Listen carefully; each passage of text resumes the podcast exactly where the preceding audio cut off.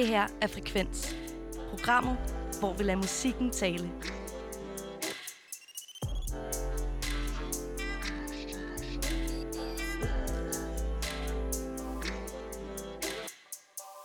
Sikke et program, vi har foran os i dag, hvor jeg, Christian Henning Links, og du, Isa Naja Buhl, simpelthen skal igennem lidt af hvert. Ja, det må man sige. Der er godt nok meget på øh, paletten i dag, Christian. Ja, og øh, så stor en palette, at øh, det måske ikke var sådan det mest energibombefyldte, som vi starter programmet med. Kvarmelivs utrolig dejlige nummer 17. Men det er også godt lige sådan, og øh, lidt ligesom når man starter med en forret, ikke? Ja, Så nu det er kommer sådan, hovedretten. Ja, en blid sådan øh, opgang ikke? Til, Jo. øh, til ligesom piker. Ja, men, men, det, men det er godt nok, det er en stejl Ja. blød opgang. Ja. Ja. Det er en blød opgang, men den er stejl lige opad. Fordi i dag, der skal vi både tale med Dofa, vi skal snakke amerikansk politik, og så skal vi også snakke med en kvintet, Ja. Som øh, er fra Aarhus, ligesom mig. høj. Fem mand høj, der øh, hedder Little Winter. Og øh, med det, rigtig hjertelig velkommen til Frekvens. Vi starter med noget nyt musik, og øh, Isenaya, lige siden at du var sommerferiebarn her Ja. i Frekvens, så har du fået lov til at starte. Det er simpelthen øh, så bæret over og glad Ja, for, Christian. Øhm, og, og tak for det. Jeg vil øh, ja, lægge ud med et nyt nummer fra den danske boyband, kan man kalde det det? Det kan man vel godt, når Kæmpe, der kun boy, er... Ja, kæmpe præcis. boyband. øh, Liz selvfølgelig, som øh, er kommet med en ny single, der hedder Leave Me on the Floor. Og den... Øh, Floor. Floor. simpelthen. Jeg og den er, øh, den, den er bare lyden af Liz. Altså, den er, den er super god. Altså, jeg ved ikke, om man sådan kan øh, knytte som øh, mange andre øh, øh, superlativer på, fordi at, øh, det kan vi, når vi har hørt det, Christian, men jeg synes, jeg synes bare, at de har ramt en, øh, altså en lyd, hvor man kan høre, det er det Liz, og det kan øh, Leave Me On The Floor også, hvor det, du ved, op, optempo øh, gang i den, men også lidt funket. Og øhm, ja, den, den, den fik mig lidt væk fra sådan en øh, lidt grå dag i dag, så øh, da jeg hørte den, også blev jeg rigtig glad. Så den synes jeg, at, øh, at vi skal starte ud med. Leave Me On The Floor med Liz.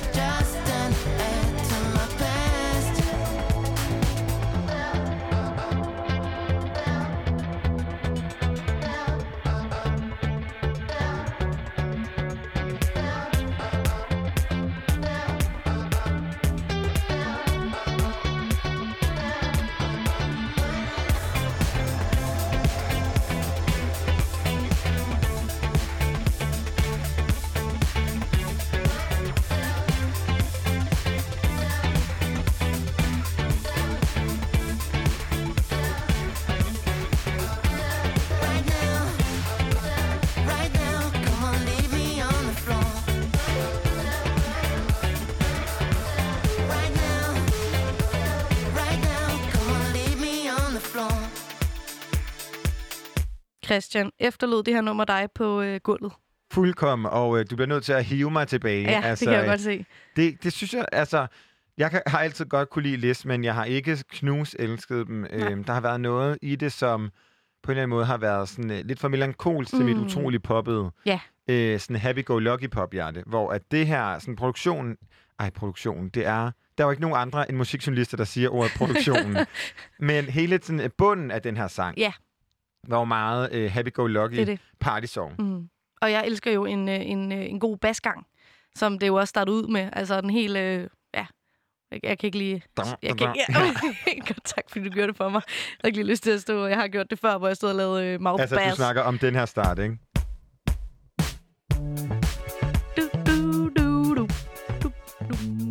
Nu. Ja, præcis. Ja, lækker. Ja, så det er lækkert. også meget læs. Præcis, den melodiske øh, basgang, som jeg er kæmpe vild med. Men det var altså, ja, Leave Me On The Floor med Liz, og øhm, et nyt nummer, der altså udkom i, øh, i fredags. Og øh, du har også taget noget ny musik med nu, det er mandag, Christian. Ja, og nu fik jeg jo afsløret, at jeg er øh, en kæmpe poppige. Ja, Og øh, gerne happy-go-lucky pop, eller øh, pop, som er deprimeret, men pakket ind i en happy-go-lucky, øh, rigtig sød, sukkersød sløjf, ikke? Mwah, så er jeg der, ikke? Jo. Altså, øh, så øh, alt, hvad der ligesom lyder af det, det får simpelthen bare en i mit hjerte. Og Ariana Grandes nyeste, Positions, øh, som jo er den første single fra hendes album, som jeg tror kommer den... Ja, det møder med, det kommer den sidste du At- kigger på den forkerte Ah, men øh, jeg kan person. ikke, det kommer inden for de næste tre uger, vil jeg Ja. godt love. Øhm, og øh, hvornår det så er i forhold til, hvornår at du lytter med, hvis at, øh, du først hører det her som podcast, det er jo så svært. Ja. Men den kommer imellem, et sted imellem oktober og november 2020. Øhm, og øh, den første single, vi får derfra, den hedder simpelthen Positions, og jeg så en... Øh, en gay meme på Instagram, Ja. som ligesom var øh, sådan, hvor at alle tracklisterne bare var sådan nogle sådan gay slang, altså homo, Ja, ja. sådan noget, altså homomiljøets slangord, og positions kan godt også betyde sådan ens placering i Mm. sengen. Så ja, og Ariana Grande har jo en homoseksuel bror, og generelt bare kæmpe øh, forperson i queer-miljøet, så det vil være utrolig morsomt, hvis det var. Ja.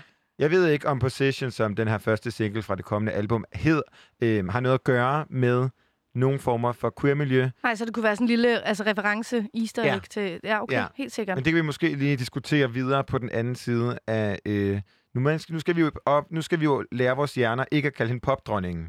Så vi skal kalde hende forpersonen for pop Ja, anno 2020. Præcis. Men der er jo så også kun én. Åh oh, nej. En af mange En af mange pionerer pionerer. inden for pop anno 2020. Ariana. Grande. Her kommer Positions.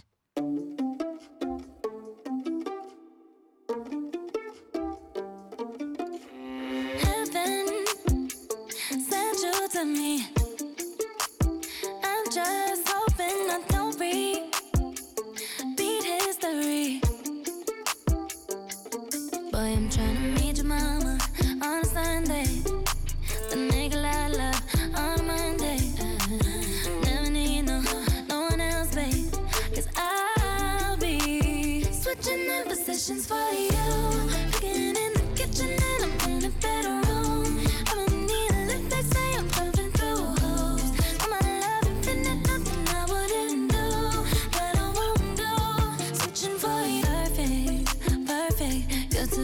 be true. But I get tired of running. Fuck it, now I'm running with you.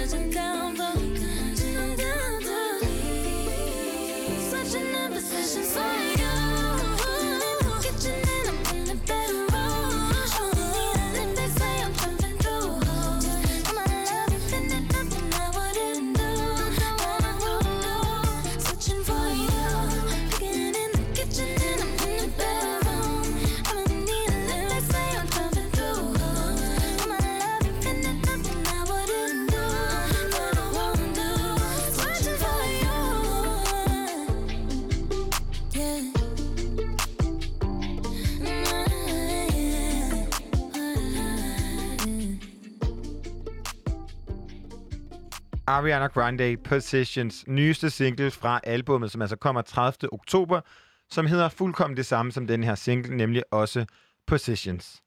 Og øh, til den her sang, der kom der selvfølgelig en øh, klassisk Ariana Grande musikvideo. Ja. Ekstremt velproduceret, meget smuk, overdreven, på den bedste vis. Øhm, og øh, hvor blandt andet, at Ariana Grande er øh, præsident af Mhm. USA, Simpelthen. eller hvilken som helst. Det kan være, at det var Ariana Land, the country of Ariana, eller kunne the grande country, ikke? men øh, men øh, hvor hun ligesom taler om de her sådan, øh, positions, ikke? Ja. Altså, switching positions for you. Præcis. Så der er også et, hvor øh, hun står og, og ældrer noget dej, Ja. kan jeg huske. Det, var Det, handler, det, det er måske...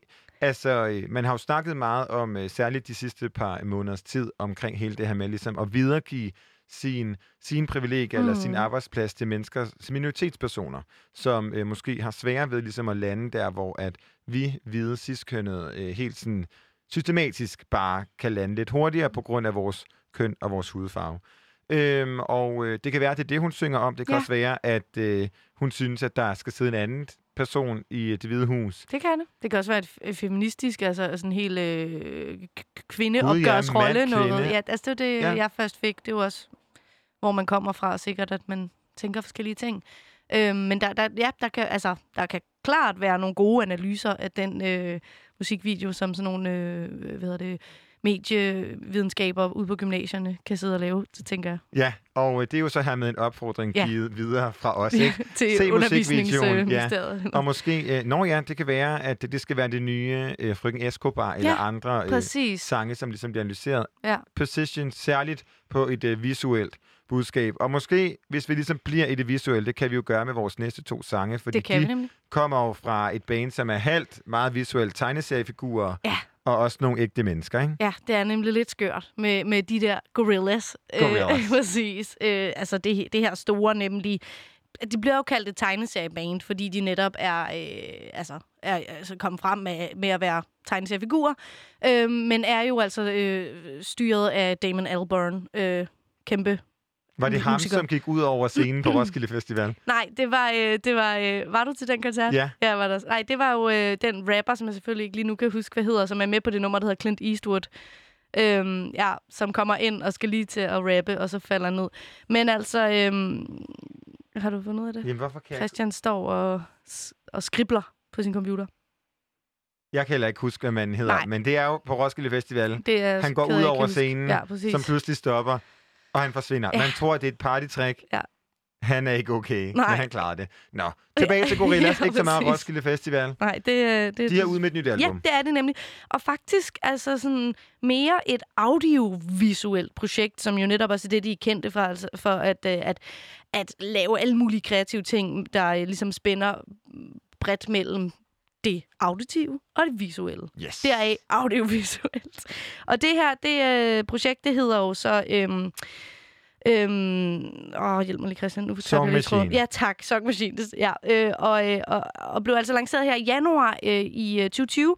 Men først nu, her den øh, 23. oktober, er der altså øh, er det kommet. Og ved man ikke helt, hvad det går ud på, så er det altså sådan en musikbaseret webserie, der består af en samling enkeltstående singler og musikvideoer, der så udgives mundtligt som episoder af serien, og hvor de så, altså de her episoder, indeholder øh, en masse gæster og features og sådan noget.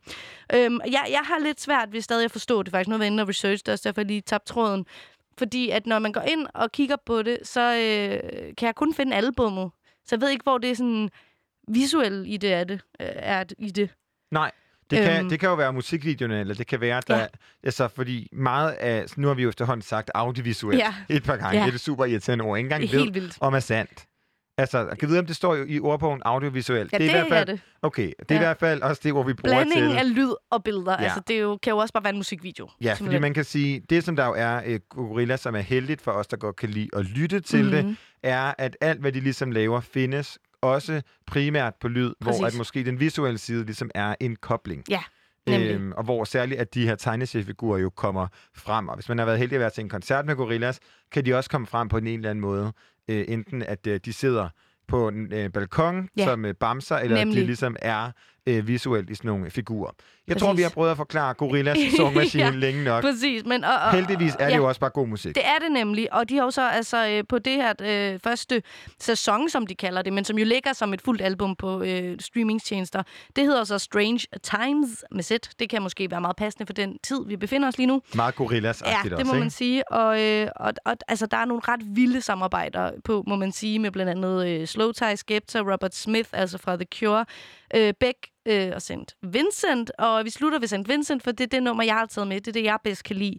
Det er altså det nummer, der hedder Chalk Tablet Towers, som er af Gorillaz øh, featuring øh, nemlig den amerikanske, altså legendariske øh, singer-songwriter og multiinstrumentalist Saint St. Vincent. Og øh, lad os høre det.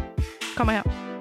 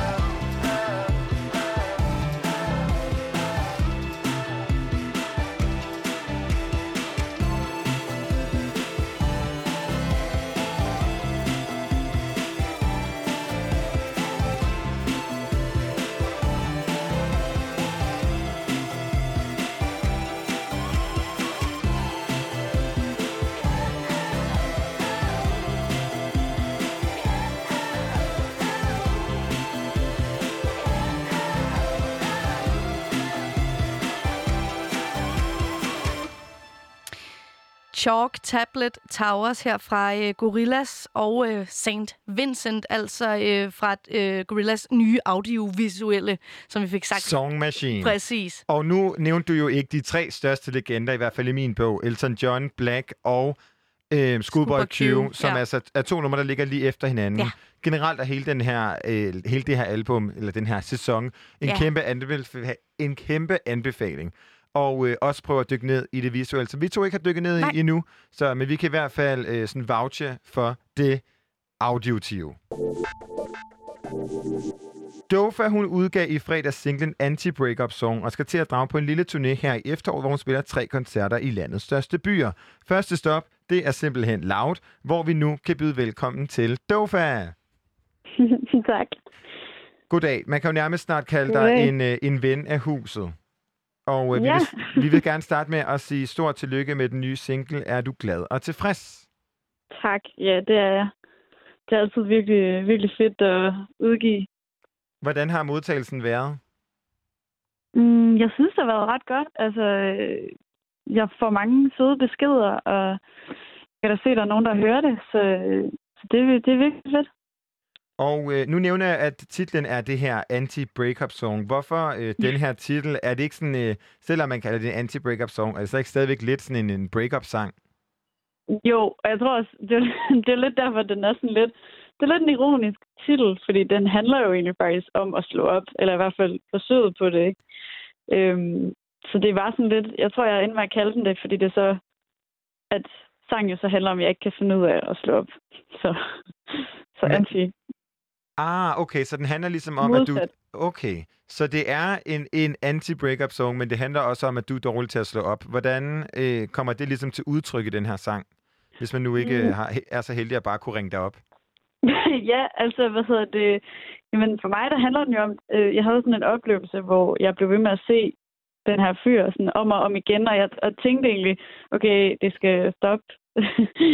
og jeg kunne bare ikke finde ud af at sådan stoppe det, og sige sådan, ved du hvad, øh, nu skal vi ikke ses mere. Eller sådan. Det, var, det var lidt for svært, og jeg tror, det blev så lidt sådan en, øh, nu er det blevet sådan lidt en, et billede for mig på det der med, at, at forandringer kan være vildt svære, fordi man bliver sådan lidt bange for, og, hvordan bliver det nu, hvis jeg ikke, øh, sådan, hvis vi ikke er sammen længere. Eller sådan.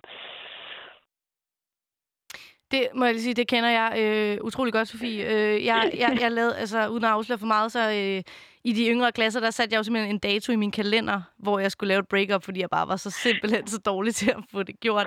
Er det noget, du har overvejet ligesom at gøre, ligesom at sige, hvis ikke du tager dig sammen, så bliver du simpelthen nødt til at gøre det her i hvert fald.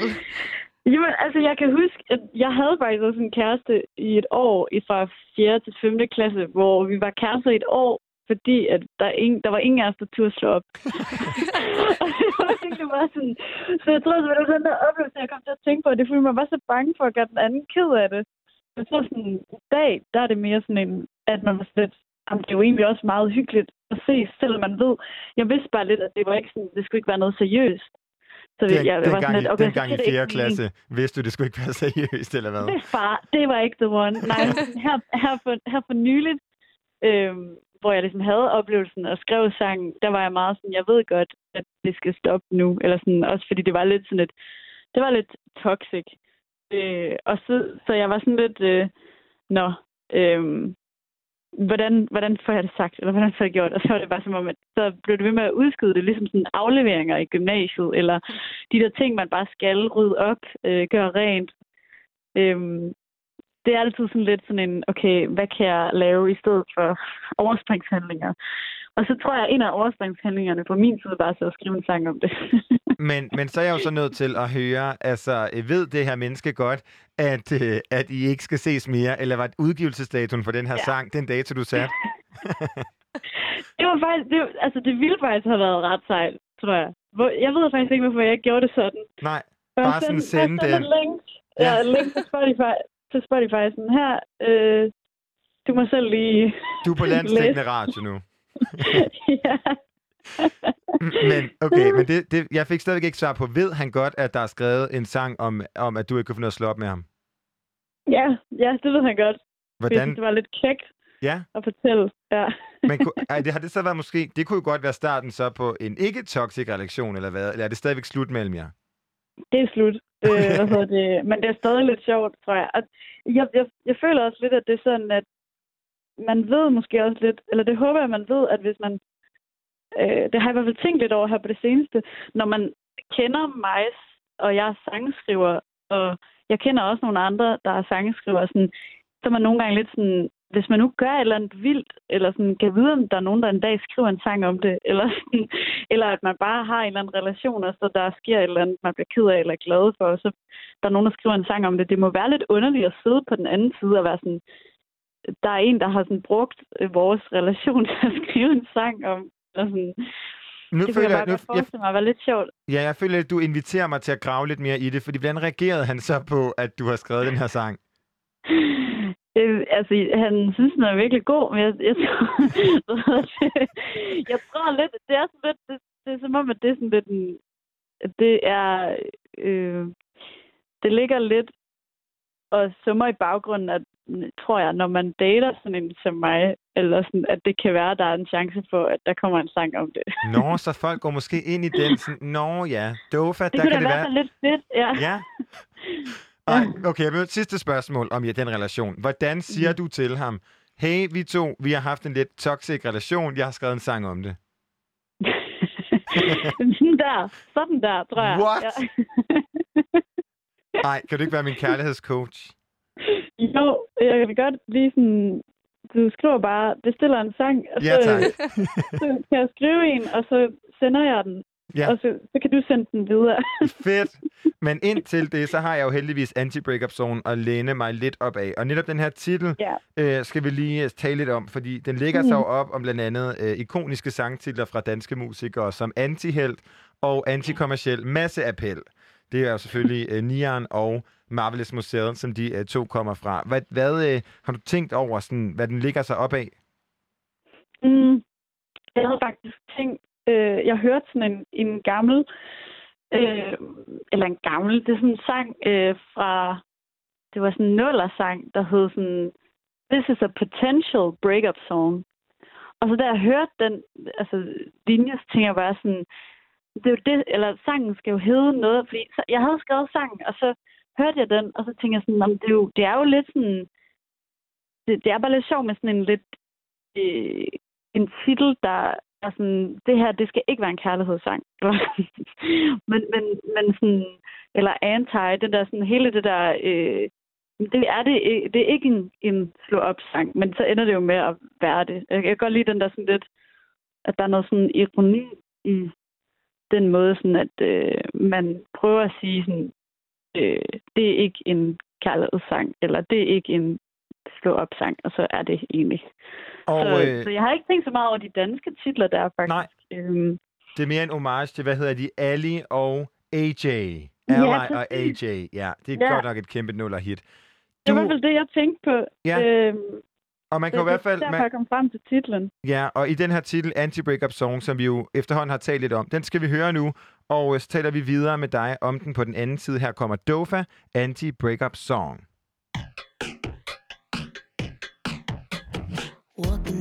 Busy street, listen to Britney singing, Oops, I did it again. And it fits the moment, don't you think? I hit you up, I was drunk, ended up in your bed, but I'm an A plus, I was prepared. I'd run through a conversation over, over in my head. Of course, it didn't go as planned. Tick tock clock stopped, and I forgot to talk. Face, big blue eyes. Fuck them, they had me for the hundredth time.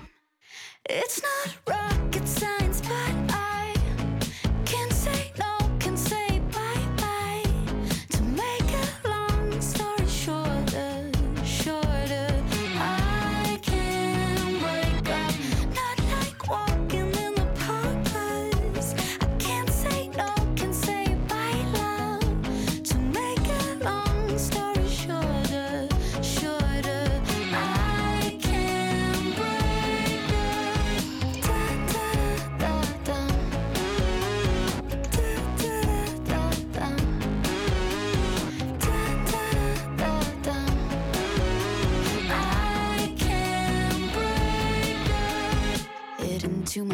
parents' house. E45, I'm driving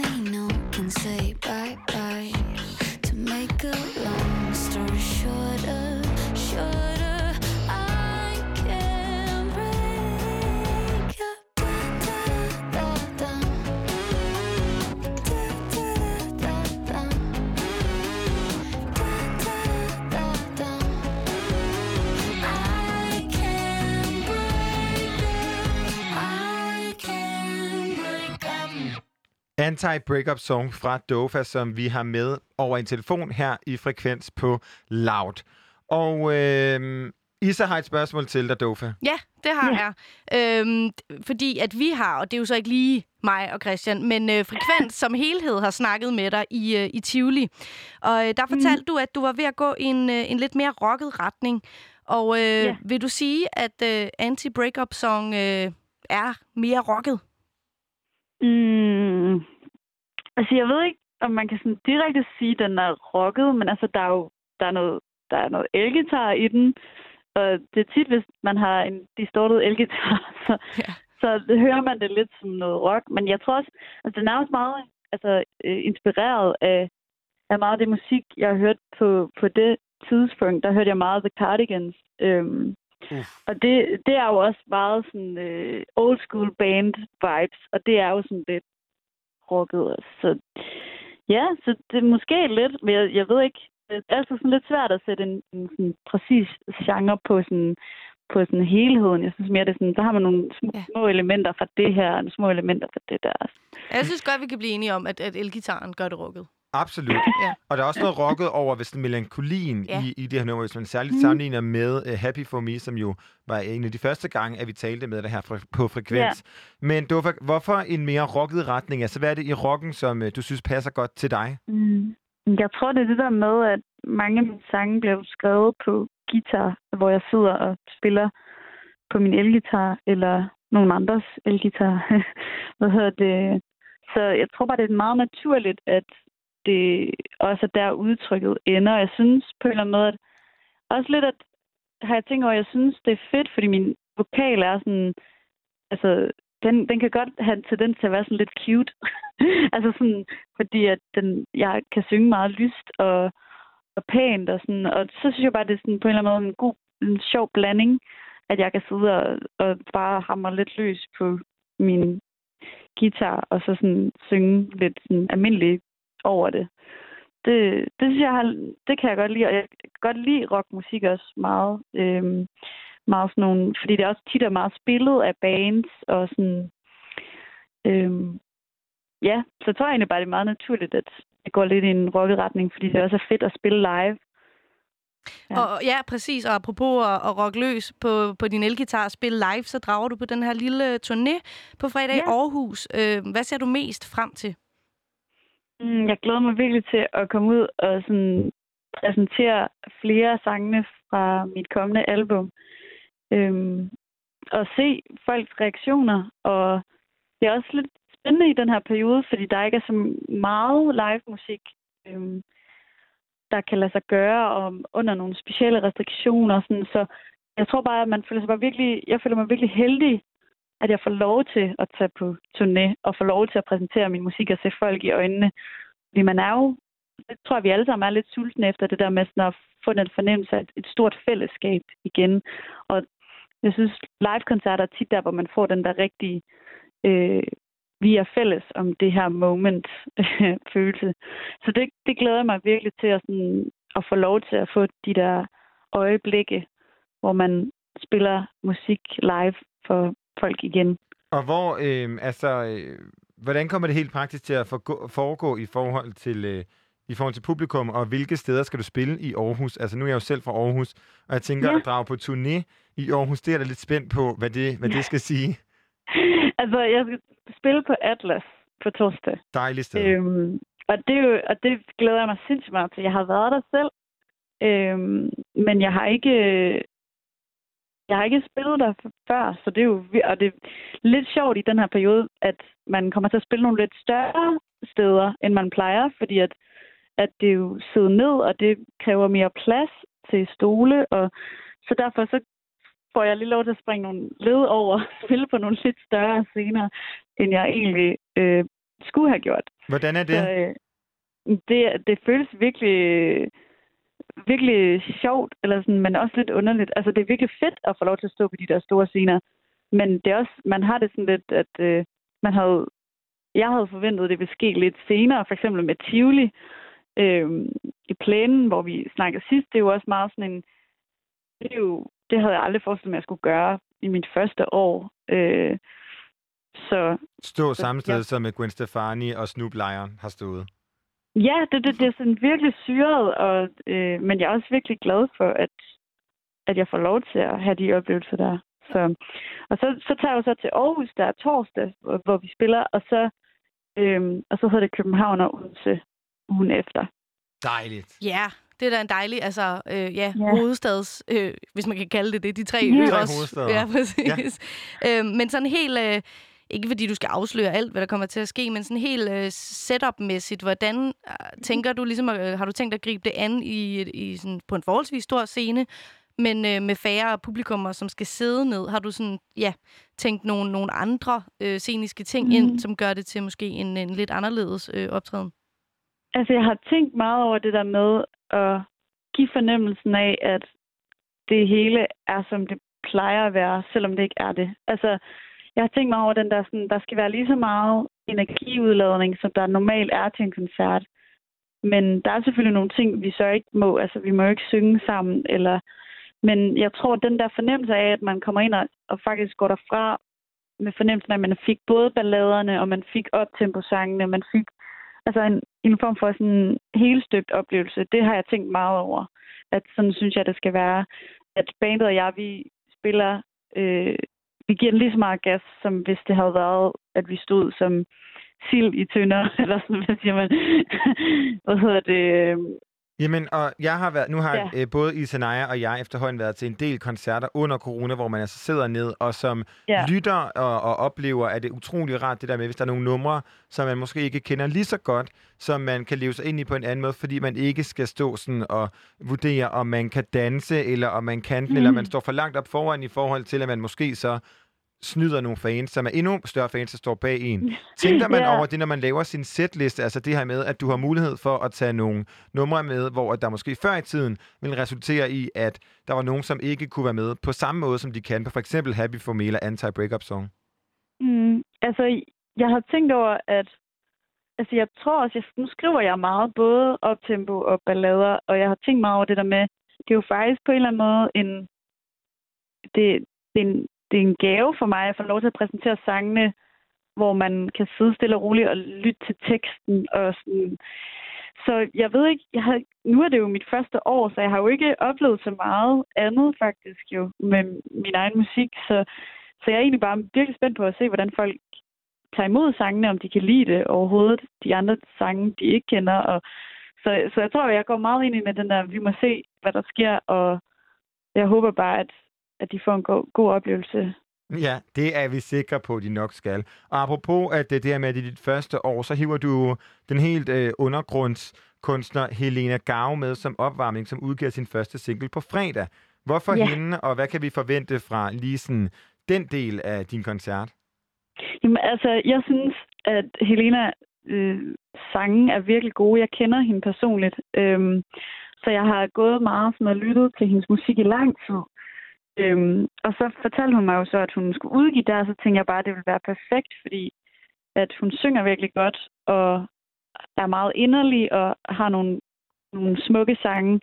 Og det tænkte jeg bare var, var en god oplevelse for folk at sidde og få lov til at, at høre sådan helt øh, friskt og nyt.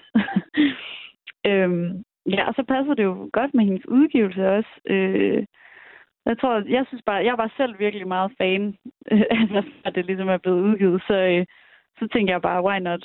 Hvordan, hvordan føles det så, når man har opvarmning med? Altså, er det sådan lidt at have, have made it? Altså, det er jo øh, ja, ofte noget, sådan nogle kæmpe artister, så, øh, så byder de ligesom øh, velkommen til nogen, man, øh, man ja, også kan, kan følge med i.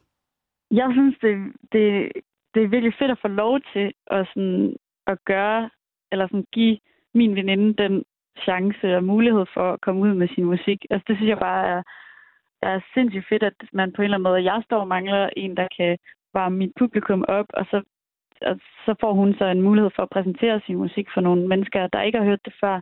det synes jeg, det er bare, jeg føler mig virkelig heldig at få lov til at, at give den, altså dele scenen på den måde der. Øhm, Er der nogen, som du selv sådan, drømmer om at varme op for? Åh, mange, tror jeg. Hvem for eksempel? Skyd løs. øhm, åh, det kunne være virkelig sjovt at varme op for, for sådan... Nu er jeg jo bare rigtig meget fan af for eksempel Lana Del Rey, eller... Øh, Det er eller et match, Taylor kunne jeg Swift. godt se. Det kunne jeg også godt ja. se, det match. Ja. Ja, men jeg tror også, altså, sådan, det kunne også være sjovt, sådan, virkelig en popshow, for eksempel Taylor Swift. Altså sådan, det, det kunne jeg også godt se, kunne være, kunne være grineren, eller noget, der er, der er helt anderledes, end det, jeg laver. Hvad med den mere rockede del af spektret, som du jo øh, snakker The om? du gerne vil- Cardigans. Ja, The Cardigans måske. The Cardigans, ja, det kunne være meget sjovt, men jeg ved ikke, om de hovedspiller live. Nej. Det gør du jo i hvert fald på fredag, når du starter din turné i Aarhus. Og øhm, der skal du jo spille din egen musik. Og det drager os ligesom til vores sidste spørgsmål. Hvad er Ja. dit yndlingsnummer at spille live? Øhm, mit yndlingsnummer at spille live.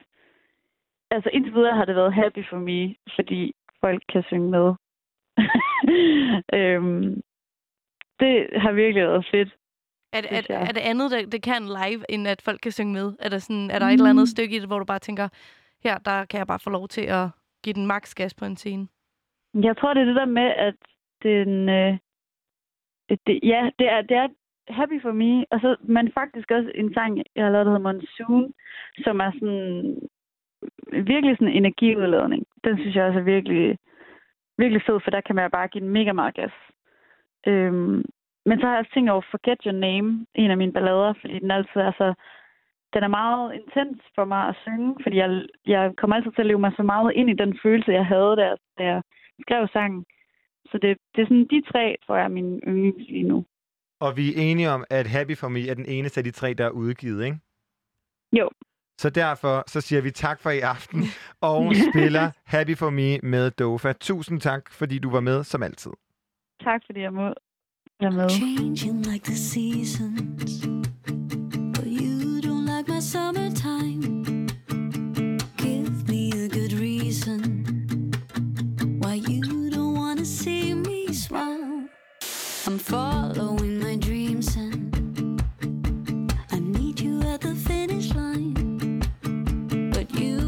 disappearing.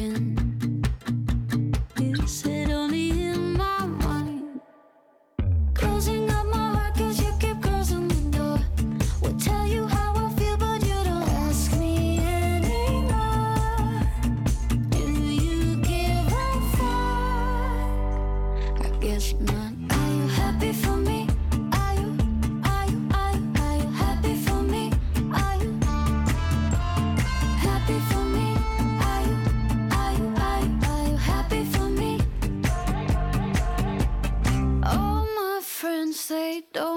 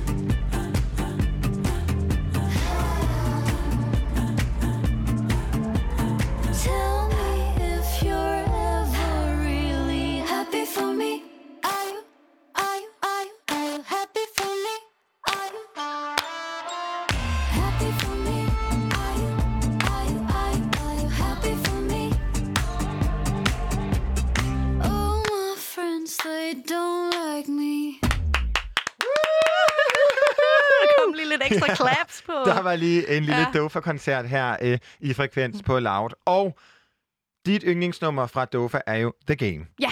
Og øhm, Det er det.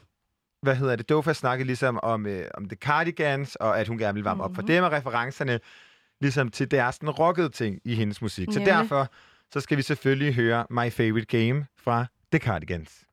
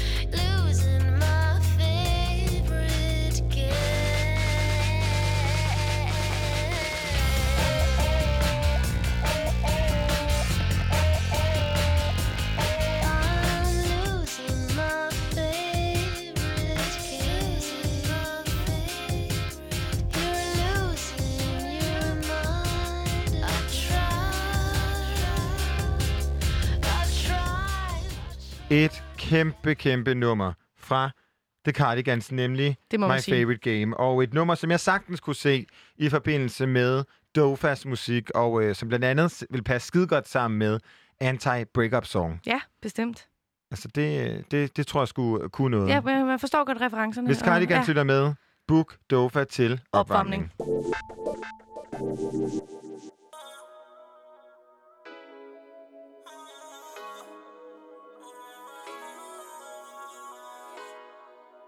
Dem der kommer med mig Dem holder jeg tæt på mig. Snart er min fortid på deres forside Alle øje på mig. En gangster siger paradise Så jeg gik en anden vej.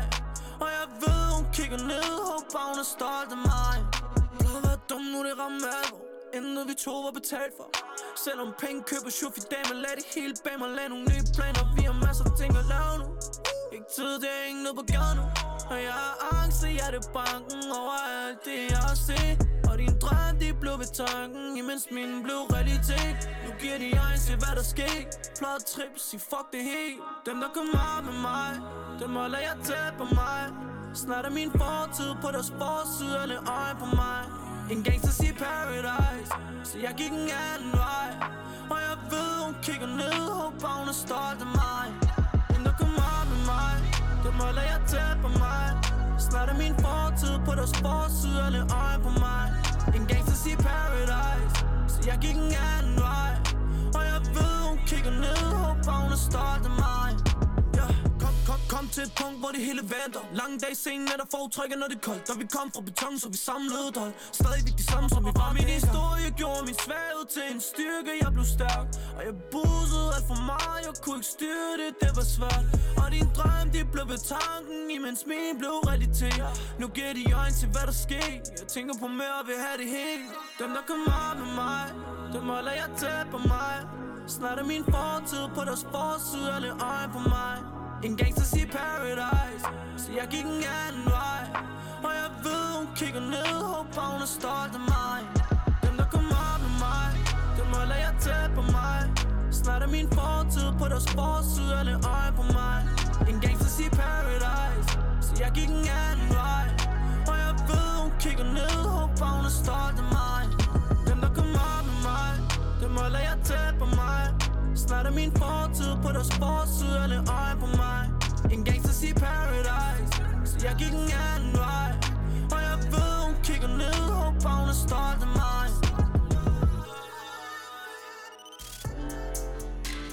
Det her er Frekvens. Programmet, hvor vi lader musikken tale.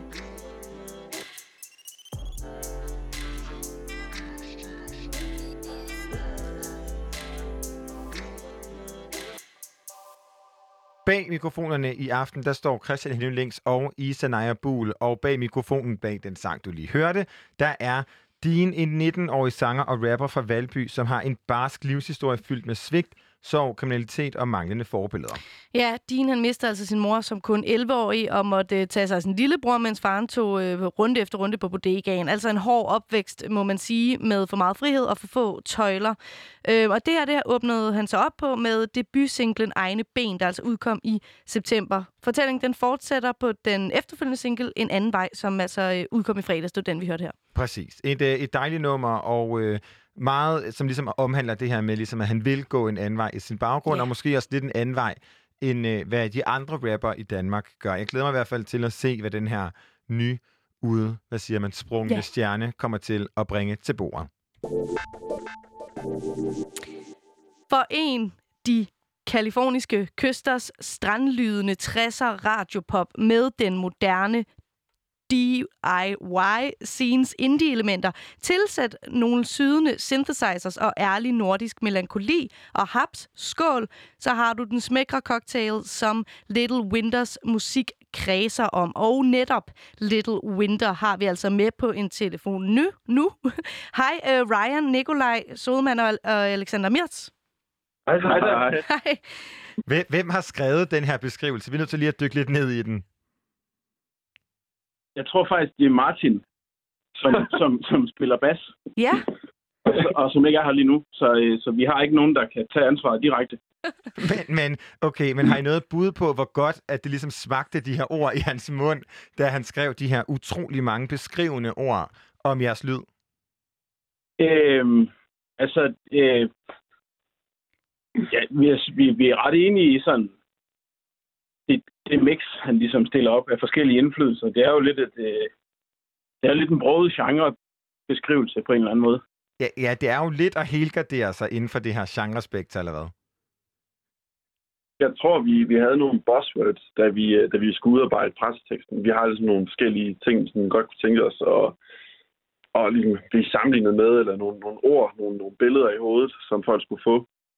Øh, og så tror jeg, så, så har vi ligesom skrevet det ned, og så har Martin ligesom lavet en sammenkogt øh, pressetekst, eller sådan en pressebeskrivelse ud af det. Øh, Okay, så nu har vi pressebeskrivelsen på plads. Vil I så ikke lige introducere jer selv? jo, øh, jeg kan starte. Øh, skal vi have vores personer, eller vil du gerne have bandet som... Øh, Det, Som jeg vil gerne høre, vi vil gerne høre, hvem vi taler med her til aften, og hvad I laver. Jamen, øh, jeg hedder Nikolaj Ryan, men går egentlig efter mest så Ryan. Øh, jeg er 24 år gammel og bor i Aarhus, øh, men er egentlig oprindeligt fra New Zealand. Og øh, jeg er skal man sige, øh, forsangeren og også sangskriveren bag mange af numrene, øh, altså tekst- tekstmæssigt, kan man sige. Øh, ja, så har vi... Øh, Så har vi Nikolaj Sodmand. Øh, jeg spiller trommer, synger kor. Og øh, så sidder jeg ellers forrest ved skrivebordet og laver alle de der lidt mere praktiske ting. Øh, ja, så er jeg øh, den eneste bandet, der er far. sådan. Ja. Øh, ja. Snart til to. snart til to. Og hvem er den, den sidste øh, mand, vi har med os i dag?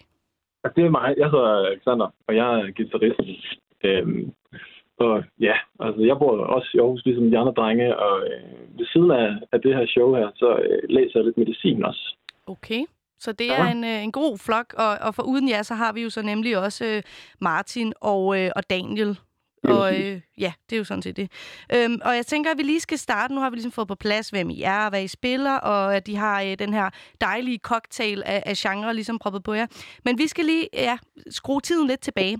Vi skal et smut til Holstebro Gymnasium, hvor øh, du, Alexander, går i første G og møder altså øh, dig, Ryan, siger jeg, som om jeg kan se jer, det kan jeg jo øh, selvfølgelig ikke, øh, der går i anden G. Hvordan opstår øh, det her møde mellem jer to? Jamen, altså, jeg tror, øh, at øh, det, der skete, er, at Alexander og mig, det er begge to, øh, to rigtig høje, ranglede gutter, der har rødt hår. øhm, og vi er nogle af de eneste egentlig på gymnasiet, som der virkelig går op i musik, øh, og som nørder musik. Øh, ud af de her tusind mennesker i, i Holstebro øh, Gymnasium, så er der ikke vildt mange af dem, som egentlig øh, dyrker eller spiller musik. Øhm, Det, det, det, følte, det, det faldt egentlig sådan ret naturligt på plads, tror jeg. Det var, det var lidt skæbnen, der lige talte der, ikke? Øh, så, øh, ja, sådan... Men er det sådan noget med, I ser hinanden på gangen og tænker, du er rødhåret og, og ranglet, og det du også, skal vi lige gribe en bas om, eller var det sådan, altså fordi I gik jo alligevel en, en øh, hvad hedder det, en klasse over hinanden, ikke? Øhm, så hvordan, var det noget med, havde I musik sammen? Nej, altså, Nej. det er egentlig, fordi jeg havde en kæreste, som gik i klasse med Alexander, eller i parallelklasse, øh, som gik i samme årgang. Mm. Øh, og alle på gymnasiet synes, at Alexander var mega lækker. Så jeg startede med, at han var sindssygt irriterende, fordi han var lækker og rødhåret på gymnasiet.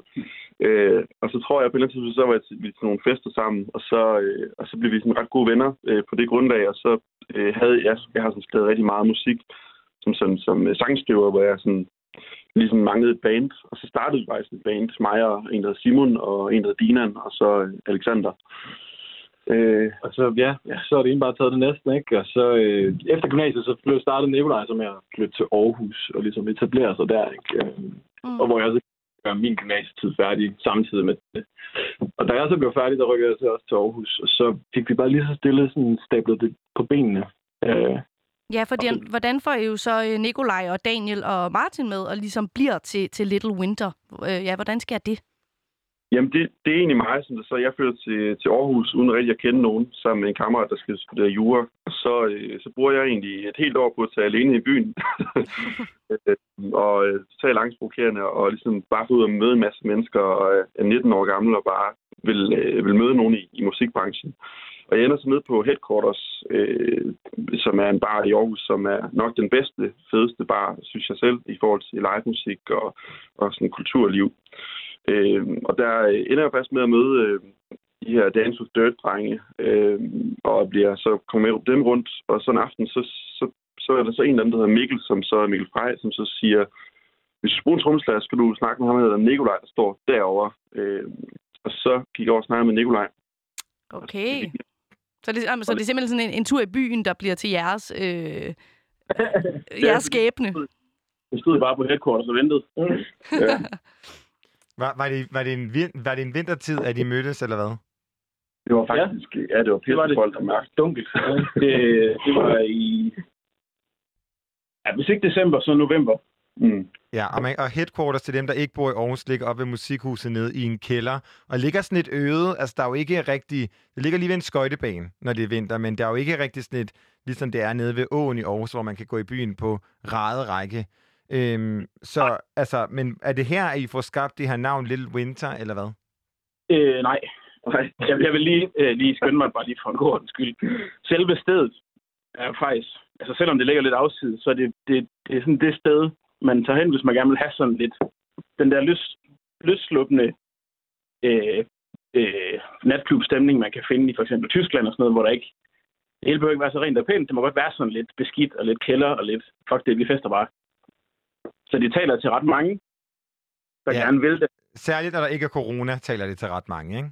Ja, jo, det gør det. Ja, så man kan sige, det var heldigt, at du flyttede dig til før corona. Nu taler jeg ligesom ud i en, mikrofon, ud i en telefon med tre mennesker. Jeg håber, jeg rammer den rigtige øh, slutbruger. Mm. Ja. Og, Øh. øh, men, men hvor kommer navnet så fra? Ja, det, det skal vi tage navnet, det kan vi godt gøre. Ja. Det er egentlig fordi, vi så, så øh, vi spoler tiden frem, og så har vi fået Daniel og Martin med. Ja, det, ja, har- vi spoler sådan frem. Vi spoler frem, som, som ligesom Nikolaj kender fra et tidligere projekt. Og øhm, vi øh, begynder så at lave vores EP øh, og gå i studiet hos... Øh, ja, hvad hedder han? Gud, der hedder Steffen. Steffen. Steffen. Ja, Sørensen. ja, som er lydmand for Folkeklubben. Folkeklubben. Lige præcis. Yes. Og vi får lavet, vi er så i studiet hos ham og bor ude sammen i en hel uge. Og, øh, og der, der hedder vi faktisk øh, Ryan, øh, der hedder bandet Ryan eller Ryan Egmont. Og vi har faktisk spillet på nogle forskellige festivaler en del med, med det projekt der. Øh, men så siger Daniel så på et tidspunkt, siger, øh, nu har vi brugt så lang tid på de numre her, og vi er alle sammen egentlig en, en fælles enhed, og det er lidt mærkeligt, at vi bruger dit, øh, dit navn i det her. Så vi skal finde noget nyt. Okay, du har lige tabt mig. Hvad, hvad, kald, hvad hed projektet før det hed Little Winter? Det er fordi, Der der, hed det der, vi jo tro, der var et band i gymnasiet. Det døde, da du flyttede til Aarhus. Så mødes du med nogen på headquarters. I går i gang med at lave en EP. Men hvad hedder, et, hvad hedder projektet? Ja, undskyld, jeg skal bare lige være med. Hvad hedder projektet, der I går i gang med den her EP? Projektet hedder Ryan Egmont. Ah, okay. Godt. Godt. Ja. Og så kommer I så, går I sammen og laver den her EP og giver det et nyt navn, eller hvad? Hvordan, hvornår kommer I til, at der skal komme et nyt navn på det her projekt? Vi, jamen, vi laver faktisk pladen færdig, og så står vi over for, at vi bliver signet af et der hedder Celebration Records. Okay. Øhm, og så i, i det, vi bliver signet, og at øh, folk ligesom skal binde sig, men også folk, de også gerne vil, ligesom, vil gerne have en fællesskabsnemmelse om, omkring det, Mm. så bliver enige om, at det skal være et nyt navn. Og det skal være et navn, hvor, hvor, det, hvor, vi sådan, hvor det ikke er mig, der er sådan hovedsangskriver, men, men hvor vi alle sammen er sangskriver, vi alle sammen har lige stor del i det. Øhm, ja, Og, og hvad Så- betyder, ja undskyld, øh, altså så Little Winter øh, for jer? Altså, det, det, vi vil skulle ligesom finde en eller anden fællesnævner. Øh, og selvfølgelig skulle det også lyde, lyde godt, og det er altid svært, når man finder på noget nyt, når man ikke har haft det. Når det ikke sidder i munden endnu, så er det altid lidt mærkeligt at sige nye navne. Sådan, men så landede vi på Little Winter, som øh, dybest set refererer til perioder i ens liv, hvor man er sådan lidt nede, eller tænker lidt mere over tingene. Ikke nødvendigvis er helt nede i en kæmpe stor depression, men sådan Mm. det der sådan lidt balancere mellem at være glad i låget, men egentlig også at være sådan en lille smule træt af nogle ting. Øh, at det, det, det er det, vi ligesom tænker som sådan en little winter, man skal igennem. Er det en fællesnævner for jer at have den, den Little Winter? Jeg tror, det er fællesnævner for mange. Øh, der, det, det er i varierende grad til stede hos os i bandet. Øh, også. Mm. Ja. Man Men, kan men sige, det er jo bare vores humler med som menneske, tænker vi. absolut. Man kan sige noget andet, der er stærkt til fælles i, i bandet. Garderober i hvert fald er beige. Er det noget, man skal ligesom eje for at være en del af Little Winter? ja. Beige og et skæg, så den hjemme. Ja. ja. Vi kan i hvert fald godt blive enige om, at sommeren er forbi, men måske kan jeres første og indtil videre største udgivelse, Summer Never Ends, Bring lidt varme med, så den kommer her.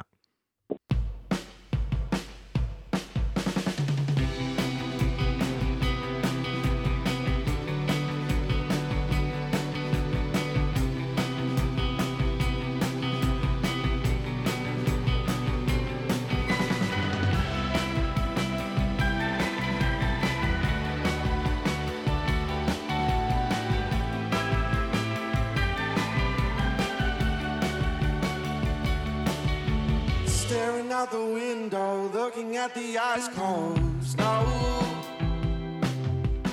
Left alone and misunderstood, time it did the suddenly for good. It's been a long while since my last confession, my dear. The time flies by like wind blows. I go weak in my knees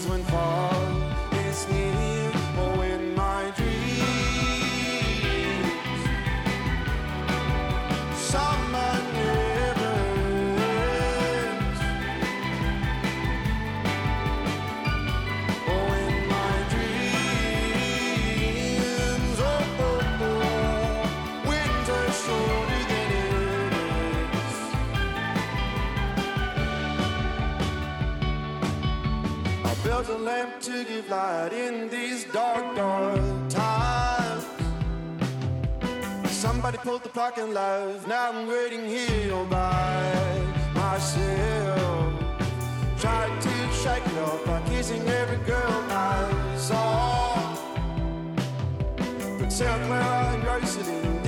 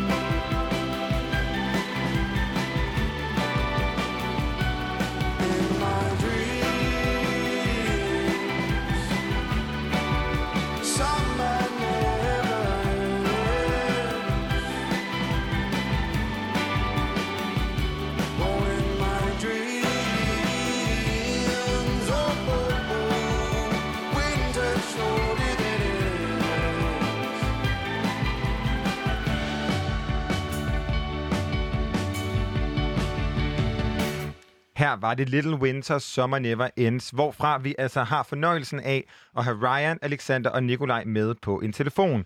Og øh, drenge, her var det øh, simpelthen det her nummer Summer, Ne- Summer Never Ends fra jeres debut i 2019 med den selvbetitlede EP Little Winter. Hvorfor debuterede I med en hel EP? Øh, jeg tror, spørgsmålet var nok næsten nærmere, hvorfor vi ikke debuterede med en hel plade. Fordi det tror jeg, vi snakkede om først. Hvor vi tænkte, at en EP var lidt mere overskueligt, hvor vi stadigvæk havde noget tid til ligesom at fortælle lidt forskellige ting. Og have nogle forskellige udtryk. Og give nogle forskellige indtryk. Men var det fordi, der ikke var en single, I kunne vælge ud, som skulle ligesom sådan sparke døren ind, eller var det federe bare at sparke døren ind med en hel EP?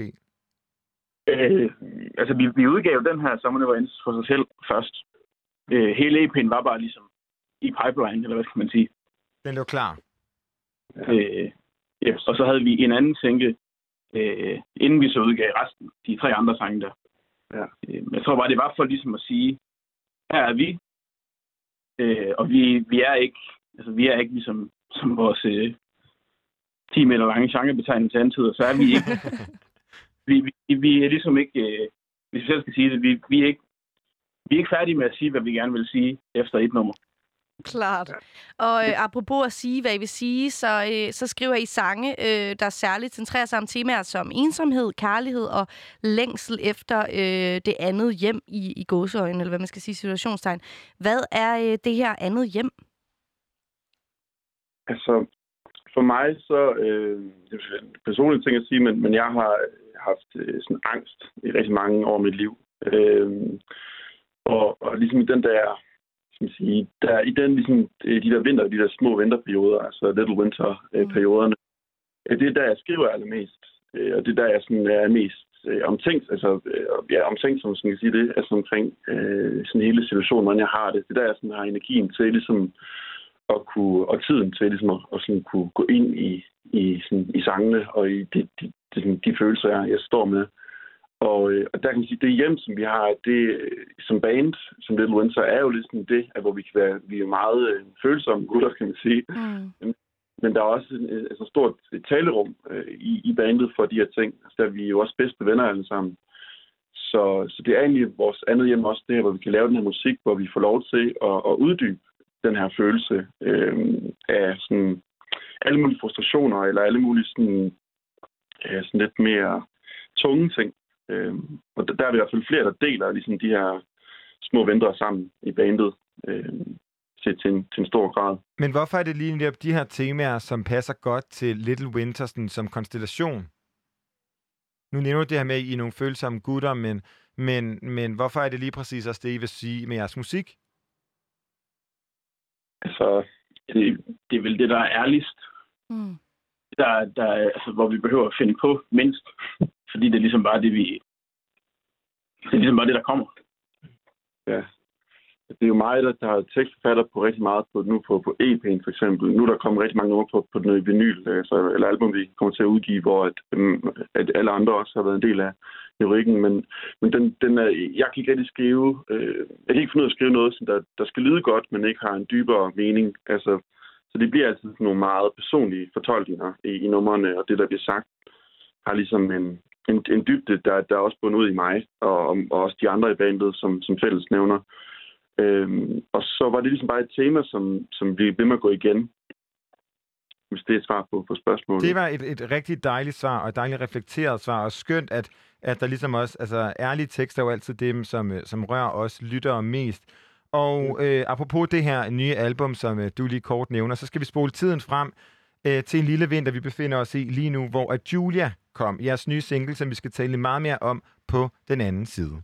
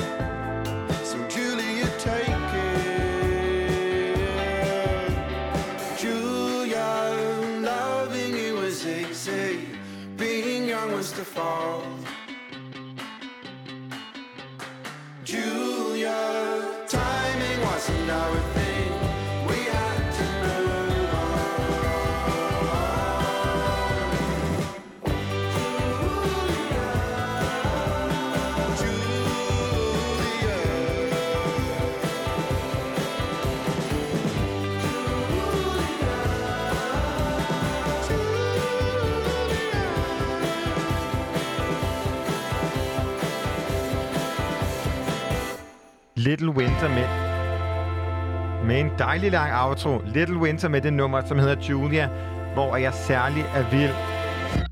Ui. Det var en dejlig, dejlig lang outro, I har lavet der, drenge. Men øh, jeg kan særlig vild med det tekststykke, som er Down in the Gardens, I left you crying by the flowers, the ones I used to pick for you. Og øh, det er jo selvfølgelig Little Winter med Ja. det nummer, der hedder Julia. Og vi har stadigvæk Ryan, Alexander og Nikolaj. Præcis. med på en telefon. Og øh, vi er nødt til ligesom at spørge jer, hvilken en af de øh, 2.654 personer, der lige nu hedder Julia, er denne sang skrevet til? Uh, ja. Jamen, øh, det er skrevet til min faste kæreste, der er fra, fra efterskolen af. Nå. Det her program har utrolig mange sange skrevet til heartbreak breakups i dag. Ja. Vi har også snakket Ja. med Dofa om uh, anti-breakup song. Er det en uh, Julia, som også hedder Julia i virkeligheden? ja, det Så- er det. Okay, wow, okay. en kærlighedserklæring at få. Ja, fordi at jeg vil jo spørge om, altså fordi at uh, Julia er jo et navn, som The Beatles, Jungle og Danske Liga også har sunget om før. Jeg vil ligesom spørge om, hvad det her navn kan. Men det er måske bare et navn, som mange har, har relationer til, eller hvordan? Jeg tror, det er fordi rigtig mange smukke piger, der hedder Julia. Ah, det er jo nok derfor. Nu står Isa lidt skuffet, Ja. vil jeg sige. øhm, ej, det er jeg ikke. Men altså... Øh, Men jeg, skal, jeg er nødt til ja. at lige høre, okay, så du har skrevet en sang, som, som er ude på landstækkende radio, udgivet alle steder, og, men I er ikke kærester mere, eller hvad? Ja, nej, vi, vi øh, slog op, dengang jeg var 16, så det er ved at være en, en del år siden, faktisk. Okay, og, du, og hun sidder stadigvæk i dine sangskriverhjerter.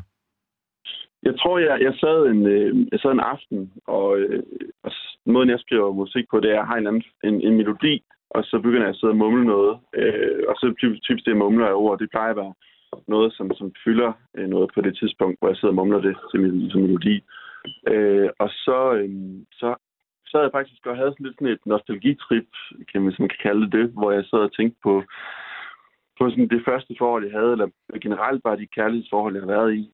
Øhm, og det er sådan et tidspunkt, hvor det er så lang tid siden, at det ikke bliver med sådan en negativ øh, konklusion, altså hvor det er sådan mere er sådan en, hvor det hele er behandlet, kan man sige, Mm. hjertet og i hovedet. Så man er mere egentlig savner øh, de, det, man sådan husker, det er de gode ting. Øhm, og ikke de ting, der gjorde, hvorfor man slår op. Øhm, og så begyndte jeg bare at sidde og, og ligesom skrive det nummer med, med sådan de tanker i, i hovedet, og den her sådan nostalgifølelse.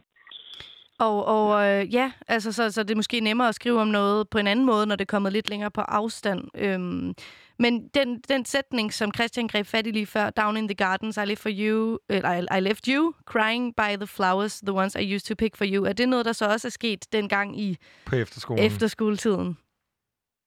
Altså, øhm, det kan man sige ja og nej til. Altså, det bliver næsten... Øhm, det, der er noget symbolik over det. Øhm, Det var måske mere cocktailautomaten, eller hvad? Jamen, det kan være alle mulige ting. Jeg tror, øh, at The Garden, det er sådan, det tror jeg bare, det er, det, det, er sådan det rum, vi havde sammen i. Øh, og, og sådan, det er måske lidt mere sådan nogle symbolske blomster. Mm. Øh, sådan som jeg havde tænkt det. Altså, jeg tror, det er sådan hele, hele af sådan sfæren, vi var i på det tidspunkt. Øh, og de her, det kan være kærlighedskomplimenter, man kom med, og alle mulige forskellige ting, som, øh, som man ligesom man græder i nu, eller man ligesom på det tidspunkt, hvor hun blev meget ked af det. Det var en meget, der gik fra, fra hende. Øh, så, så, så, så de her blomster, jeg plejede at plukke til hende, det var egentlig ikke noget fysisk nogen, men var mere øh, ting som værende nogle, det kunne være alle mulige ting, kærlighedserklæringer, øh, komplimenter øh, og så videre.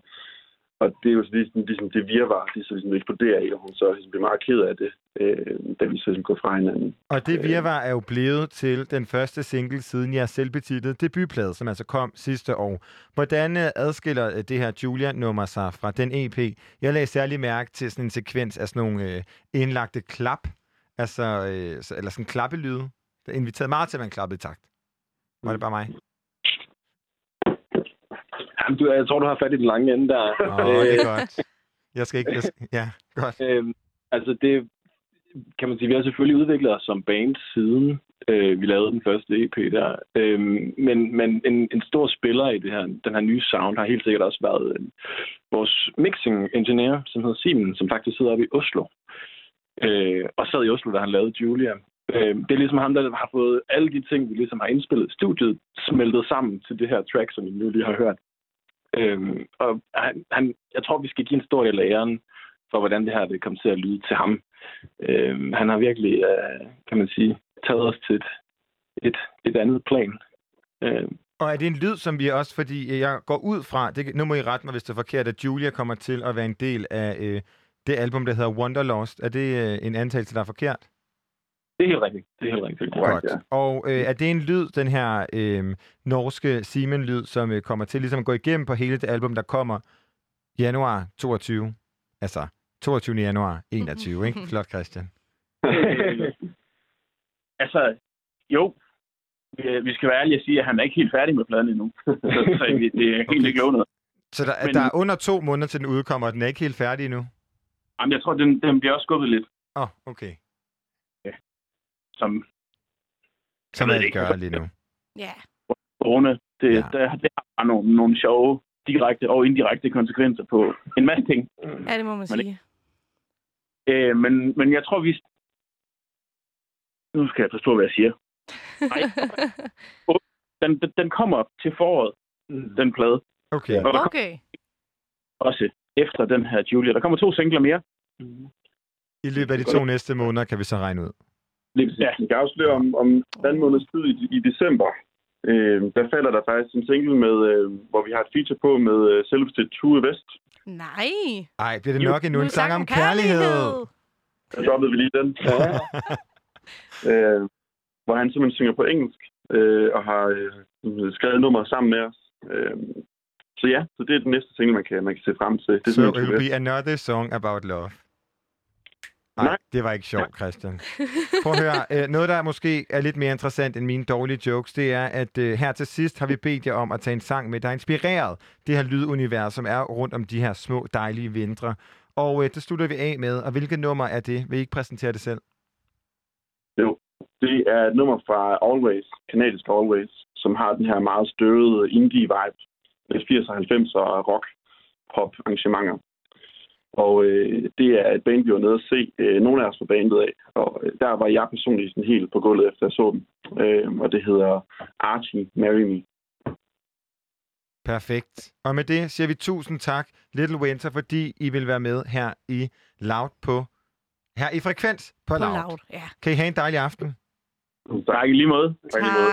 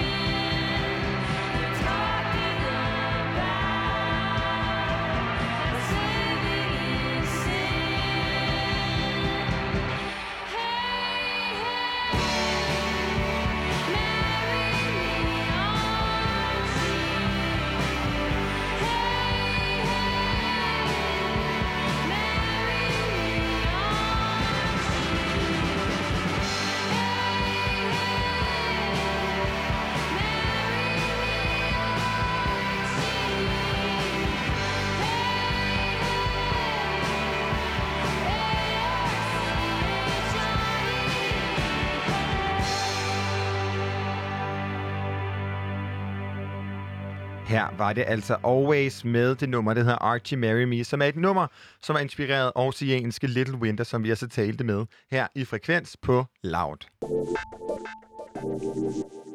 Hvad har Foo Fighters, Fiona Apple, Dave Matthews, Pink, John Legend, Cher, ASAP, Ferg, Ferg John, øh, John Bon Jovi og Billie Eilish til fælles? You don't need me to tell you things are a mess. Donald Trump is destroying our country and everything we care about. We need leaders who will solve problems like climate change and COVID, not deny them. Leaders who will fight against systemic racism and inequality. And that starts by voting for someone who understands how much is at stake. Someone who's building a team that shares our values. It starts with voting against Donald Trump and for Joe Biden.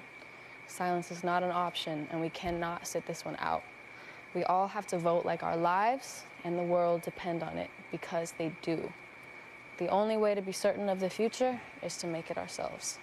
Please register. Please vote.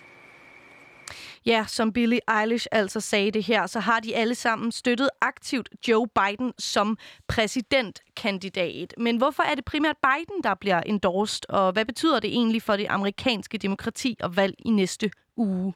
Det bliver vi meget klogere på nu, hvor vi skal en tur til Nashville i USA, hvor at Louds USA-korrespondent Anne Alling er med på en telefon. Goddag, goddag. Goddag, goddag.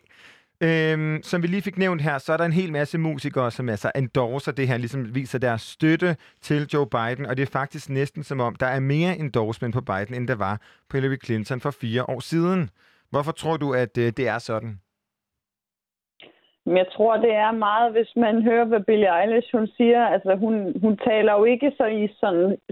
Selvfølgelig støtter hun Biden, men hun snakker jo ikke en hel masse om, Biden som person, hvad Biden står for. Det handler ligesom mere om alt det, som Trump står for, og alt det, som en stemme på Biden altså betyder, at man stemmer imod Trump. Øh, så jeg tror meget, det er det. Altså, det er jo helt normalt at se alle de her både musikstjerner og filmstjerner og andre former for kendiser, som kommer ud og endorser, altså bakker op om en særlig præsidentkandidat. Men i år, der ser vi det endnu mere måske, fordi altså, der er en, øh, at Trump er så kontroversiel en, øh, en, en præsident og en, ja, altså en præsidentkandidat til næste valg, så der altså virkelig er en, en bevægelse imod ham. Og er det her, er det ligesom det, du vil kalde grunden til, at de så åbenlyst støtter Biden, altså at Trump er så kontroversiel, som han er? Det, ja, altså det er i hvert fald helt en, en af dem, altså at, øh, at, at Trump han er meget anderledes, end, end hvad vi har set før. Han gør øh, rigtig mange amerikanere hamrende vrede på den måde, han, han taler på, men jo også hans politik. Og altså, hvis vi går tilbage igennem årene og ser på, hvem af som kendiser de sådan normalt endorser, jamen så er det især, i hvert fald flertallet af dem, er for demokratiske kandidater, som ligesom jo, som jo står for et mere venstreorienteret synspunkter, som, som mange sådan Hollywood-stjerner og stjerner i det hele taget måske bedre kan identificere sig med.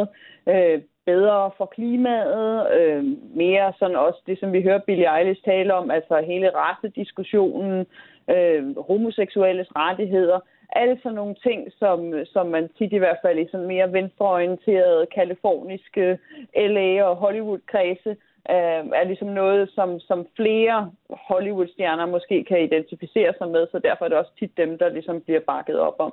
Ja, og, og altså, som du netop siger, det er jo også det, man kan se, hvis man er på de sociale medier, at det nemlig ofte er øh, demokrater, og her i dette tilfælde Joe Biden. Men er der også nogle højt profilerede amerikanere, der sådan endorser Trump, øh, musikere eller, øh, eller filmstjerner? Fordi det hører man jo ikke så meget om herhjemme. Men det er der helt sikkert. Altså den, som vi jo hørte allermest om, var jo nok Kanye West, inden han så begyndte at endorse sig selv, fordi nu var han selv været præsident. Men han var måske en af de, de helt store af dem, som, øh, som fik opmærksomhed. Clint Eastwood også har helt fra starten, fra siden 2015, været i den grad en, en fortaler for Trump. Der er Kid Rock, som er sådan en country-stjerne. Han har en bar her i Nashville, hvor jeg bor lige nede om hjørnet. Øh, og han, øh, han er i den grad også Trump-fan. Han har sådan Make America Great Again skilte med på scenen, når han optræder. Øh, hvad hedder det? Der, er- altså, jo, der, er- der er helt sikkert en, en del. John Vogt er også en af dem. Øh, hvem ellers? Jeg havde, jeg havde en liste her skrevet ned. En af stjernerne fra, fra Tears, øh, Kirstie Alley, er også. Det, som vi måske ser, er, at det tit er sådan måske mere kontroversielle kendiser, mm. som, som bakker op om Trump. Øh, Roseanne, jeg er selv ret stor fan, det ved jeg snart ikke, om man må sige længere, men de gamle Roseanne-show er jeg lidt afhængig af. Og hun er jo i den grad en kontroversiel karakter, og hun har altså også været ude øh, og bakke op om Trump. Så der er helt sikkert mange på, øh, på hver side, men vi hører mest om dem, som støtter op om Biden, og der er helt sikkert flest, der er ude og, og tale for Biden. Øhm, og mange af dem er også genganger for dem, som, som støttede, op om, øh, støttede op om Obama, som jo virkelig havde fat i, i kendiskredsene. Men det er jo vildt interessant at se, hvordan nu nævner blandt andet Kanye West, som har haft sin Make America Great Again kasket på, øh, men, men også øh, kunstnere som Azealia Banks og øh, Kim Kardashians, øh, no, nej, undskyld, Kendall Jenner og Kylie Jenners mor nu, Caitlyn Jenner, som altså har været ude og endorse Trump, men som har fået så meget hate, at de har trukket det tilbage. Øh, altså, hvorfor... Om jeg ved ikke, hvordan man... Sådan, hvor- det interessant at se det der med, hvordan at når musikere, øh, hvis de ikke støtter demokraterne, så får de hate. Men er det noget, du tror bare ligger inden for særlige genrer, eller hvad tænker du om det? Altså, jeg tror i hvert fald helt sikkert, altså, at det hører lidt til øh, sådan hele underholdningsbranchen i øh, USA. Altså, for eksempel, hvis du ser alle de her late night shows, Jimmy Fallon og øh, Jimmy Kimmel og alle dem her, altså, der er jo i den grad en støtte, altså en, en udpræget, udtalt støtte til, til demokraterne. Altså man er meget, meget, meget kritisk over for republikanerne, og især over for Trump, øh, og er altså, altså udtalt støtter af, af demokraterne. Øhm, det samme, vi ser det også med Saturday Night, Saturday Night Live, som, altså, som virkelig er mere venstreorienteret. Så der er jo også, og det er jo ligesom det publikum, eller de, den business, som de her stjerner, de skal, de skal tale ind til. Det er der, de skal igennem og, og få deres musik igennem, og der de ligesom skal få deres navne på plakaten. Så der er også en, altså, en tendens i underholdningsbranchen til, at den bare er mere venstreorienteret. Jeg vil så også sige, at altså, jeg har talt med flere republikanske amerikanere, som synes, det er hamrende irriterende, som, som siger, at de er trætte af, at, at alle stjernerne, som de måske godt kan lide deres, at lide deres musik, at de er så udpræget ligesom fortalere for, for, et, for et andet parti. Øh, og der savner de mange amerikanere, at der vil være flere musikere, skuespillere, som var ude og, og hæppe lidt mere på højrefløjen. Men, men gør det så noget nu, hvor du siger, at, øh, at der altså er så nogen, der bliver, der bliver trætte af det? Gør det noget for det, øh, det, hvad hedder, det, amerikanske demokrati med de her endorsements? Altså på, kan det påvirke øh, hvad hedder det, afstemningen eller valget? Altså, det har jo helt sikkert en, en kæmpe indflydelse. Altså, man kan måske sammenligne det lidt som, at hvis, øh, jeg ved ikke, Matthew McConaughey, han sælger Lincoln-biler, at han ligesom sætter ansigt, sit ansigt på, på et bilmærke, øh, Øh, eller når sportsstjerner sætter deres ansigt på Nike eller Adidas, eller sådan, der er jo en grund til, at de her store mærker betaler de her store stjerner rigtig mange penge, fordi det virker. Øh, så man kan måske forestille sig selv nu, jeg ved ikke, jeg er måske lidt gammeldags, jeg synes Brad Pitt, han er skøn, så hvis nu Brad Pitt, han kom ud og sagde, ej, jeg har, ved du hvad, jeg har talt med Trump, og han er god nok, ham kan I godt stemme på, så vil det da helt sikkert have en indflydelse. Måske vil det kunne rykke nogen, men det er helt sikkert noget, noget der betyder noget. Øhm, og så er det jo også meget altså, at tale til, til et yngre publikum, især på sociale medier, og sådan, øh, både tror jeg, ligesom at påvirke dem, hvem de stemmer på, men rigtig meget af det handler altså om at bare få folk ud og stemme. Det er også det, vi hører Billie Eilish tale om. Nu er det så tydeligt, at hun mener, at man skal stemme på Biden og Harris, men mange af dem taler jo også bare om, at altså vote, kom ud og stem, fordi at der er, vi så ofte ser, at især de unge simpelthen ikke kommer ud og stemmer. Og der er det da helt sikkert en, en, en enorm betydende faktor, at, at de stjerner, som man følger på sociale medier, og som man er kæmpe fan af, hvis de siger, hey, det er vigtigt at komme ud af fjerne og ud og sætte de kryds, altså det er helt sikkert noget, der virker. Men øh, det er jo lige nu præcis, når vi taler om de her unge mennesker og musikere, så er det jo ikke en ting, der er unik for musikere, det her med at endorse. Men hvad, altså, tror du, at det har en påvirkning på unge, men, unge amerikanere, at øh, Billie Eilish eller at øh, A$AP Rocky går ud og siger, hey, gå ud og stem, det er virkelig vigtigt lige nu. Altså tror du, det har en reel indvirkning på, at de gør det? Ja, det tror jeg da helt sikkert. Altså, jeg tror, at for, for en del år siden, der, og måske er det også lidt stadig sådan i, i Danmark, at politik det er måske lidt mere sådan noget, øh, de, de gamle voksne taler om, eller i det hele taget bare, det er ligesom sådan et tørt emne, som man måske ikke rigtig følger med i på samme måde, som man følger med i alle mulige andre emner. Så hvis, så hvis de stjerner, som man er fan af, og som man følger, hvis de ligesom kommer ud og siger, at de synes, det er vigtigt, så har det helt sikkert en indflydelse. Altså, det er jo på det samme, vi ser med influencer i det hele taget, når det så er tøj eller restauranter, eller hvad det er, de taler om. Altså, så er det jo helt sikkert nogen, som bliver fuldt, og de har en enorm indflydelse og en enorm magt til at kunne sige, det her, det er vigtigt, det er noget, det er noget vi, skal, vi skal tale om og fokusere på. Så, så jo, helt sikkert, og det er jo også derfor, at, altså, at, at politikerne er så ivrige for at stå og tage selfies med, om det så er Beyoncé eller J-Lo, eller hvem det er. Altså, det, det har virkelig en betydning for, for politikerne, hvem de har, hvem de har med på holdet. Og øh, nu, som vi har sagt et par gange, så bor du selv i Tennessee, hvor øh, Trump altså ved sidste valg fik over 60 procent af stemmerne. Hvordan øh, ser det ud med fordelingen denne gang? Og men øh, jeg vil sige, det meget skal gå galt, hvis, hvis Trump han ikke vinder i, øh, i Tennessee. Har jeg i den grad ikke, altså jeg vil sige, i Nashville, hvor jeg er, som er hovedstaden, og som jo også er i den grad en musikhovedstad, øh, har der, helt, der er der mange flere Biden-flag, end, øh, end der er Trump. Men lige så snart du kommer ud på landet, så er der øh, Trump-flag og Trump-banner alle sammen, og han kommer helt sikkert til at vinde den her stat. Øh, det er der vist ikke rigtig øh, nogen tvivl om. Øh, men man kan også se det, altså jeg sagde lige, at Kid Rock han har en, en bar her lige nede om hjørnet, og han er for Trump. Så er Justin Timberlake jo også her fra Tennessee. Han er en af dem, der er for Biden. Miley Cyrus, hun bor også lige et par nogle kilometer her, herfra, og hun er også for Biden. Så der er helt sikkert stadig en, en kamp om stemmerne her. Men lige præcis i, i Tennessee, der kommer Trump nok til at, at vinde overordnet. Og øh, med det, så vil vi sige tak til, tusind tak til dig, Anne Alling, vores USA-korrespondent her på Lav. Tak fordi, at øh, du gjorde jeg, Christian Emlings og Isenaya Bu lidt klogere på øh, musik og det amerikanske præsidentvalg. Velbekomme. Og øh, nu har vi jo talt lidt om øh, Billie Eilish, og derfor synes jeg, at vi skal høre My Future fra den kære amerikaner. I can't seem to focus, and you don't seem to notice I'm not here. I'm just a mirror. You check your complexion to find your reflections all alone. I had to go.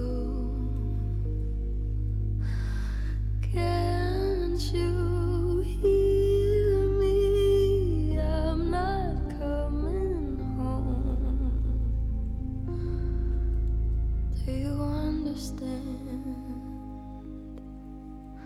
I've changed my plans. Cause I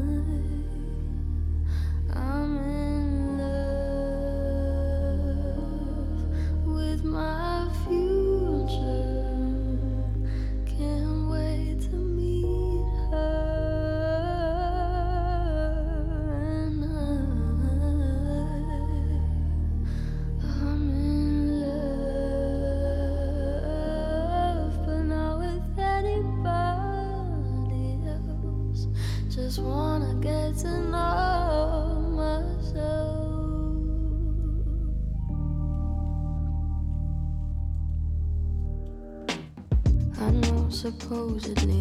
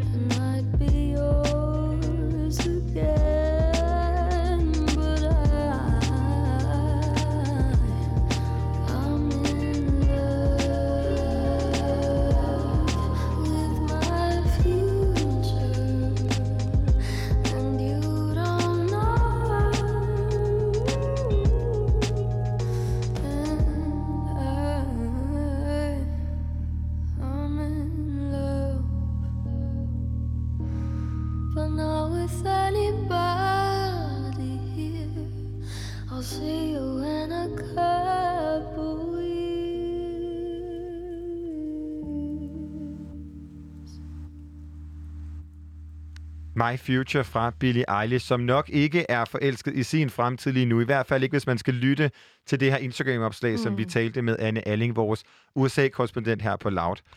Om, ligesom, om præsidentvalget Ja, og musikere, som går ud og, siger aktivt, hvad de synes, øh, deres fans skal Eilish stemme. Og øh, her helt kort, Isanaya.